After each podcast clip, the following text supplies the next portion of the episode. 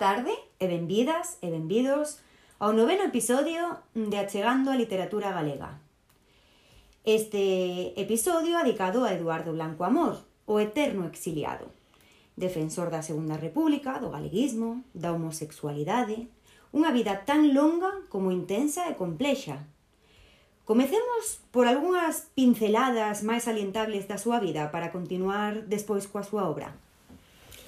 Ben, Blanco Amor, Blanco guión Amor, que era como él asinaba, nace en Ourense en 1897, segundo a partida de nacimento. Eh, segundo él mesmo, dicía que nacera en 1900, que este, restando tres anos, mas as contas así non saen, porque eh, tería que escapar da casa aos 12 anos, e escapou aos 15. E tamén tería que marchar despois a emigrado a Argentina no 1919, 19-19, mm, os 22 anos, non os 19, non?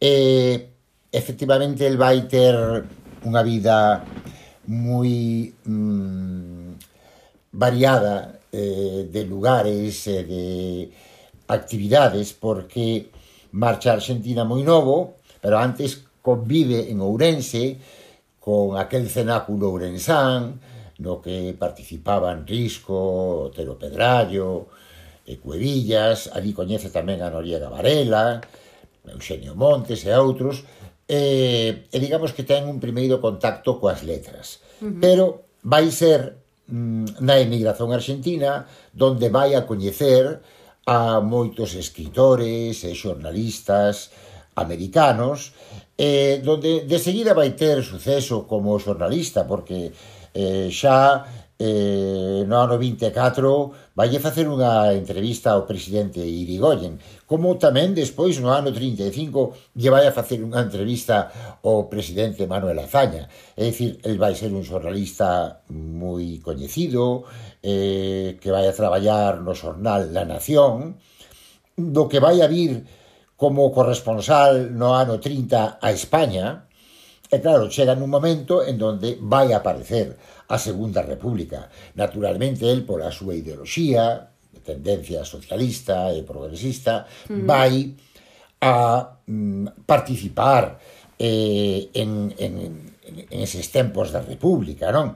Ainda que despois vai a regresar un tempo, a Argentina regresará de volta outra vez no ano 33 e vai a estar até o ano 35, época en que coñece a moitos membros da xeración do 27 na residencia de estudiantes, donde vai a hacer amizades como a de Lorca ou como a de Guerra da Cal, entre outros moitos escritores do seu tempo, o mismo Manuel de Falla, e en esa época publica na revista Nos eh, un pequeno relato a escaleira de Xacó. Despois, mmm, na época da guerra, vai a voltar a Buenos Aires. Nese tempo, até ese momento, a parte de xornalista fora poeta, publicara romances galegos no ano 28, publicara un poema moi curioso, poema en catro tempos, sobre uns afogados, un mar, un temporal, e tamén eh, un, un pouco máis tarde no 56 publicará finalmente un libro que se chama Cancioneiro, non? En, na época que está en Argentina, na posguerra, eses 20 anos que está en Argentina, coñece a moitísimos escritores e xornalistas, escreve moitos libros en español, algúns deles moi celebrados, como por exemplo La Catedral y el Niño, Chile a la Vista, Las Buenas Maneras, e incluso un Los Miedos, que foi finalista do Premio Nadal, non? Mas eh, é en 1959 onde publica, primeiro na Argentina, porque aquí non lle permitiu a censura, publica a Esmorga, do que falaremos despois. Non? E, un pouco máis tarde, xa de regreso a Ourense, eh, que en aquel tempo aínda nas matrículas poñía OR, Ourense, non poñía aínda Ourense, non? Pois en galego auténtico. Bueno, pois despois publica Os Bios Bardos no ano 62 E mm, pasa unha época en donde publica textos, eh, tamén no ano 73 eh, se fai autor teatral, publica, publica obras que xa tiña escritas, farsa para títeres e teatro para a xente, e sobre todo no ano 72-73 publica o seu libro seguramente capital que é Xente o Lonxe xunto con outros traballos que fai en xornais para casi todos os, os xornais do país, principalmente La Región e Faro de Vigo, pero mm, fai traduccións, autotraduccións incluso de algunhas obras súas, traduce a Asteris, é unha traducción bastante discutível, pero traduciu a Asteris en aquel tempo, non? E, finalmente, despois de dar moitas palestras polo país, e de viver en moitos lugares, en pasar tempadas en casas dos amigos, en hotéis, morre en Vigo nun hotel, precisamente, en no ano 1979. Por tanto, pois, a idade de unos 82 anos, non? Uh -huh. eh, no ano 1993 dedícase A Blanco Amor o Día das Letras Galegas, co cal aparecen reeditadas prácticamente todas as súas obras, que xa foran sucesivamente reeditadas de 4 ou 5 edicións, non? Tanto as Morga como Xente ao Lonxe, como os Bios Bardos, as súas obras en, en prosa. E Mm, apareceron moitos estudos de moi profundos, apareceron eh, libros de fotografías, edicións da nosa terra, é dicir, a partir de aí Blanco Amor eh, foi xa, digamos que mm, un escritor mm, de culto, un escritor moi coñecido que eh, ademais era de estudo obrigado eh, nos institutos e eh, nas facultades e, por tanto, que foi dado a coñecer eh, pois a, a moitísimos leitores galegos. O, había que decir como resumo que para moitos leitores e para moitos estudosos Eduardo Blanco Amor mm, foi considerado o mellor romancista galego do seu tempo. Uh -huh. El, entre outras cousas, eh, sempre defendeu a súa condición sexual, unha persoa valente, libre e fiel ás súas ideas. Eh, de carácter forte, mais que outras cousas sabemos da súa forma de ser? Sí, sabemos moitas cousas. Mm, eh, eu recoñezo que, que sou un grandísimo admirador eh, da, da súa obra. Mm, o mellor non tan admirador da súa personalidade, porque cando eu o coñecín eh, xa era unha persoa maior, Eh, eu tiven dúas ocasións de velo, unha vez en unha palestra en Coruña e outra vez en Sargadelos, onde el pasaba con Isa de Azpardo, pois o mellor un mes ou máis.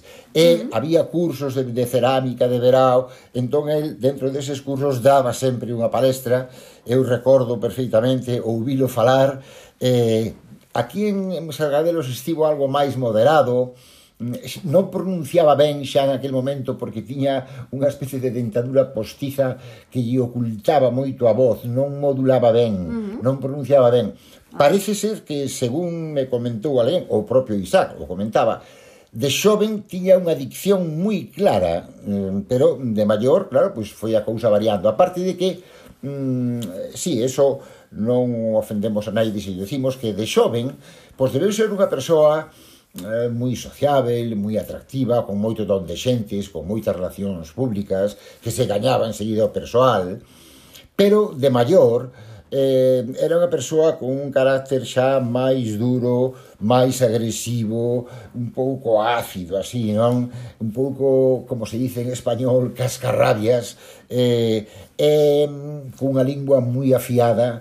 Eh, eu lembro que, por exemplo, na conferencia mm, da Coruña, mm, a mitad do persoal que estaba ali eh, como empezou a falar mal de casi todos os escritores galegos pois eh, eh, levantouse e marchouse.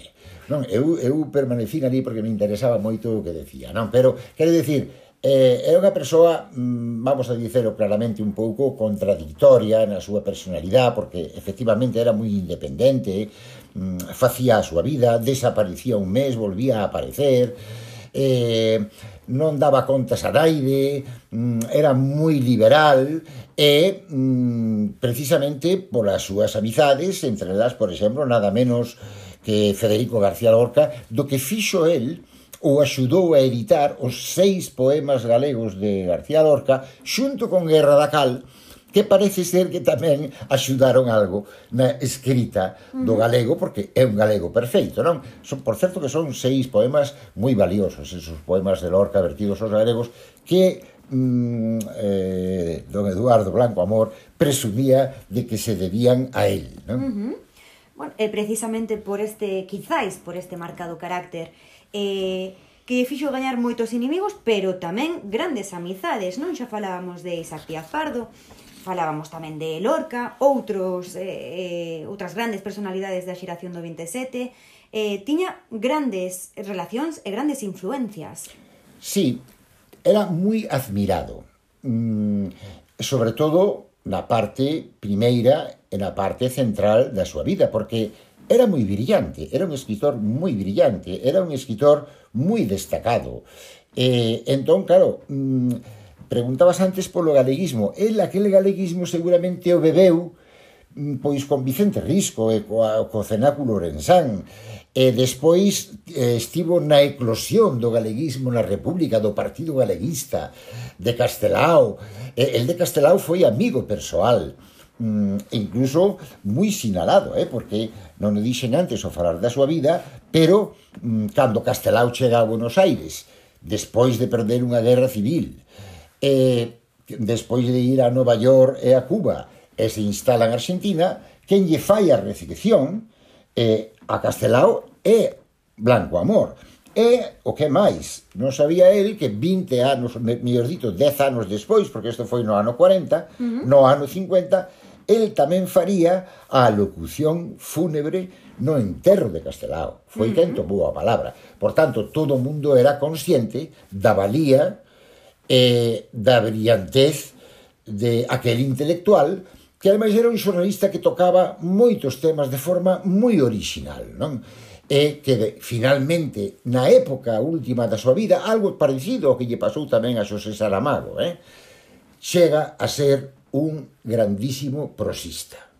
E xente ao lonxe, os vios bardos, a esmorga, tres das obras en prosa máis importantes da literatura galega, e tres obras dun mesmo autor. Cunha xa chegaba, pero a terceira confirma a súa grandeza. Cal dirías ti que é a obra máis importante e a que a ti persoalmente máis che gusta?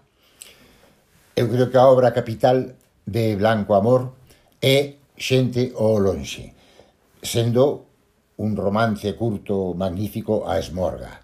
Os biosbardos, en conxunto de sete relatos tamén moi ben escritos, como algún outro relato solto que tamén eh, publicara antes, non? Eh, concretamente ese da escalera de Xacó e outros os neonatos e outro por aí, pero eh, para min a obra máis importante de Blanco Amor polo que ten que figurar como un dos primeiros prosistas galegos é Xente ao lonxe. Falábamos da súa, da súa valía, pero tamén do seu carácter que o facía estar seguro de esa valía precisamente, de pouca ou nula falsa modestia. Non el xa era consciente de que a Esmorga pasaría á historia da literatura como unha peza maestra do século XX. El era plenamente consciente porque era moi bon lector tamén, distinguía moi ben a boa literatura, era plenamente consciente de que escribira unha obra prima, unha obra mestra, non? nas Morga, cando ven de volta, que precisamente inmediatamente despois de, de publicar a Esmorga, pensa que aquí vai encontrar un grande recoñecimento. E non digamos despois de publicar os bios bardos e xente ao lonxe. Mm, tal vez el non encontrou o recoñecimento e a admiración que merecía e iso seguramente lle producía un certo enfado, non? Eh, Fálanos tamén un pouquiño mm, ao mellor da temática, aínda que claro, a Esmorga todo o mundo o coñece porque quen non leu o libro eh, veu a peli, non? A, a famosa película eh, de Ignacio Vilar con, con Morris, con Miguel de Lira e eh, con Carra Elejalde. Sí, Claro, cada un deles tres magníficos actores, no caso de Miguel de Lira no papel de Cibrán Canedo, que ten tamén outros nomes, Castizo, Tinicas, Puchapodre, uh -huh. que é o protagonista de 24 anos, que realmente está contestando a un interrogatorio de un xuiz. No filme non, na película non hai ningún xuiz. Vaise contando toda a historia de corrido, todo as, as aventuras e as falcatruadas e as barbaridades, que van facendo aqueles tres personaxes até que aquelo acaba moi mal.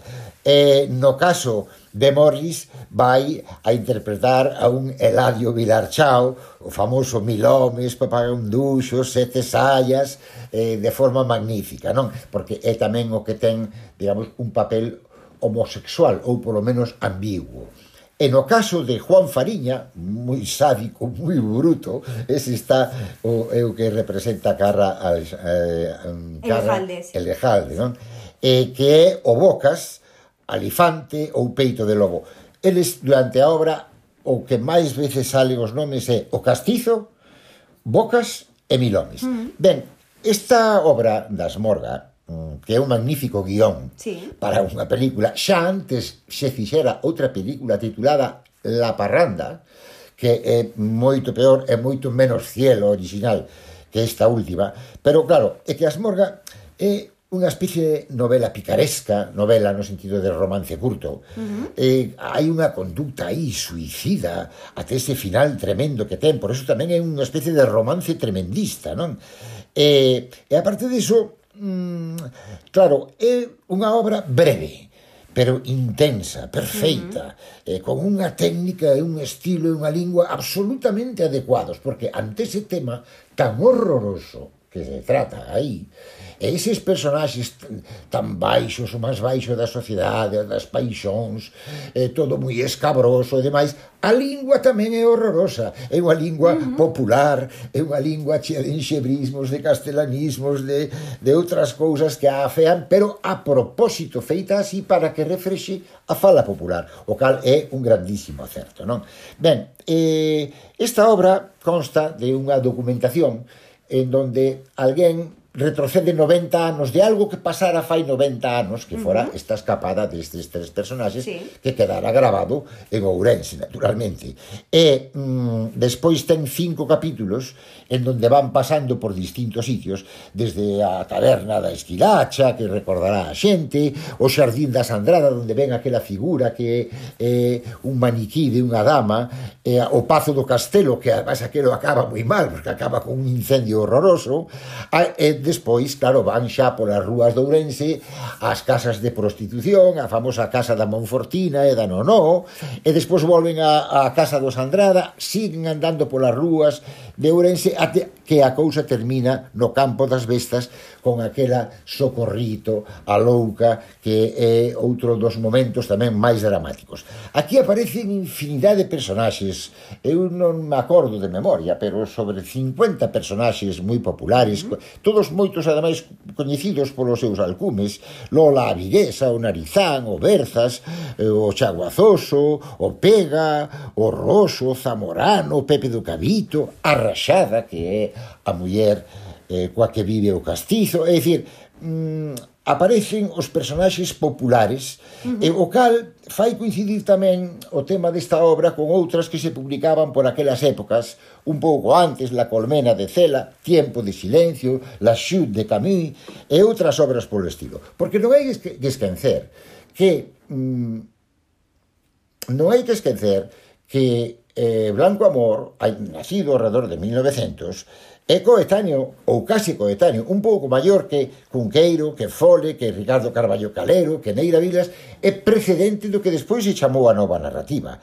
É, é mm, tamén daqueles outros narradores que contan a crónica terrible da guerra e da persecución como Silvio Santiago, como Valenzuela ou como Alonso Ríos. É coetáneo de todos eles, pero el fai unha cousa diferente, fai algo co que ninguén se atreveu. É dicir, fala dos baixos fondos, fala das cousas máis escabrosas, máis naturistas, máis inhumanas, e faino dunha maneira directa, atrevida, con unha prosa única, e naturalmente por iso, eh, eh, si, en esta obra reflexa a estes tres personaxes que pertenecen ao Lumpen, pero hai outras obras en donde vai a falar de outros personaxes populares e incluso de personaxes que forman, digamos, un todo colectivo, como é o que acontece no romance Xente ao lonxe.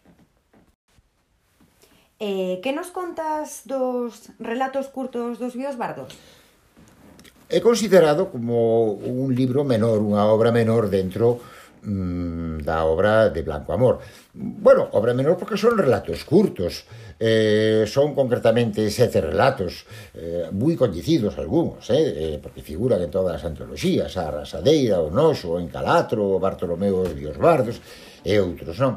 Eh, é un moi bon principio para comenzar a ler a Blanco Amor, porque se entenden mellor que os outros. Quizá tamén ten unha lingua un pouco máis cuidada, eh, os personaxes son personaxes mm, infantís, xuvenís, eh, historias de nenos, como aquela de O Neno Labrego de Neira Vilas, non? Memorias do Neno Labrego, pero mm, os li o libro non é para nenos, o libro é para maiores, non? Uh -huh. Ainda que os personaxes sexan infantos juvenís. Pero moi interesante e moi ben escrito este libro de Os Bios Bardos e mm, que deu pé a que un pouco máis tarde, no ano 72, publicase o seu romance maior. Pois profundicemos tamén un pouquiño máis en Xente ao lonxe, que anticipábamos eh, que era esa obra capital. Por que é considerada a obra máis importante de, de Eduardo Blanco Amor? Si, isto xa son palabras maiores. Eh? Xente ao lonxe, como o seu título indica, pois fala dunha xente que el lembra da súa infancia en Ourense e de todo o que pasou en aqueles primeiros anos do século entre outras, pois un acaecimento que tivera lugar en Oseira, mm, e donde houbera mortos, e sobre todo conta a historia para falar, decilo claramente, do, do socialismo ourensán, non? E, mm, conta eh, hai moita ideoloxía socialista que era que tiña uh -huh. eh, el que tiña Blanco Amor mm, e esta obra xa é unha obra moito máis ambiciosa con moitos máis personaxes con moito máis diálogo con outra técnica que lle debeu de levar levou, levou bastante tempo escribir esta obra porque empezou a escribir nos anos 60 pero acabou una publicando no ano 72 non? Mm, eu creo que efectivamente Esta obra da que non podemos dar moitos detalles porque ten centros de personaxes, eh, centros de situacións, eh, o que podíamos facer é unha brevísima lectura para que se vexa como en algúns capítulos, aínda que tamén é un neno suso o que mm, conta eh, esta historia hai outros personaxes Evangelina da Severa e outros personaxes riquísimos uh -huh. eh, Evangelina da Severa é un modelo de moza loitadora, de moza líder eh, que era moi pouco frecuente eso na literatura non? Eh, eh, esta, en, este, en esta obra concretamente Eh, bueno, eu tiño moitos pasaxes preferidos, pero un deles moi breve que vou a ler é o capítulo quinto, donde fala é eh, de unha cadela, unha cadeliña que se chama Tula, que é a cadela que ten Suso. Uh -huh é que se escapa, a cadela está en fío. Entón, vai contando dunha maneira, mm, digamos, directa, este asunto bastante escabroso, eh, eh, tanto no principio como no final. O principio dice, e vai a Tula, da señora Severa diante de todos como o cabo de gastadores do reximento de Ceriñola, o fuciño erguido, orgullosa, con trotiño curto e parexo, algo choutado, con aer de non ir parar nunca até o fin do mundo. Plis, plas, plis, plas. Após dela, unha dúcia de cas, algúns tan disformes que benlles podía pasar a tula por embaixo da barriga sin lles tocar pelo, e outros tan cativiños con un trote tan multiplicado como si en lugar de correr rodasen, todos eles ollándose a mantenta con ar canso, suspicaz e acorado. Cada tanto, a tula detense unha amiga cheirando para o alto ou para os costados, como desorientada, ou preguntándose para onde ir, e que facía, e por que o facía. Daquela os cans aviventábanse e ollábanse uns para outros como para correr decisións súpitas e graves, atentos aos movimentos da cadela, mas non decidían nada. Vai contando toda a historia de esa procesión de cans detrás dunha cadela en fío, até que finalmente eh, hai, eh, eles perden a cadela, van a buscala varias veces, e ao final mm, encontran, por fin, eh, encontran a cadela e... Mm, eh, Botei macho dizel, saiu á porta de un pallabarro da Rúa da Libertade unha mulleriña de negro moi branca e vedraña con unha xara chea de auga e apreixoulle a cabeza ao can entre as canelas e díxome que non a soltase e en principiou a botar pouco a pouco a auga e foi por máis e os cans non se moveron porque o can estaba pegado á cadela pero conta isto con todo detalle non? e botoulle máis auga, e a tula puxos a ollar para min que nunca lle tiño visto tal ollar de persona, e viña outra mulleriña máis nova, cunha ola grande de barro posta a xuicio no curuto da testa, que víase que viña de por auga da burga en que fumegaba, e díxolle á abella sin se deter, vai apura que tes boa entretención de mañá cedo. É unha obra de caridade, como outra calquera e entrou na casa sin tornar a mirada. E de socato, a tula saiu alandillando, co rabo entre as pernas, sin me agardar. Ben, é unha forma de contar directa eh, que non se para en voltas para decir unha realidade escabrosa que tiña que contar, igual que xa fixera en, eh, no, no libro da Esmorga. Pero ben, esta obra sí que xa é recomendable para leitores algo máis resistentes que está escrita incluso así como a lingua das Morga, é unha lingua que ten moitas imperfeccións, esta lingua de xente ao lonxe é xa unha lingua máis perfeita, máis cuidada. E xa para rematar, pediríache que nos seleccionases algún outro fragmento ou poesía. Ben, é que mm, Blanco Amor foi autor teatral, foi xornalista. Eh, por certo, Só quería facer un comentario brevísimo, eh, en este caso crítico, uh -huh. que é que mm, don Ricardo Carballo Calero, na historia da súa literatura galega contemporánea, só dedica tres páxinas a Blanco Amor e dedica moitas máis páxinas a Cunqueiro. E iso quer dicir que, mesmo entre os seus propios coetáneos, Blanco Amor mm, era difícil que fose aceptado como prosista. E eu, eu que teño, son un gran apaixonado de Cunqueiro, como todo o mundo sabe, un gran admirador de Cunqueiro, sin embargo, antes dixen que quizá Blanco Amor, como novelista, como romancista, quizá sexa o mellor romancista do seu século. Entón, claro, eh, eh, na, na crítica, nas opinións, hai que ser objetivo. Para, Eu agora vou para ler... gostos están as cores.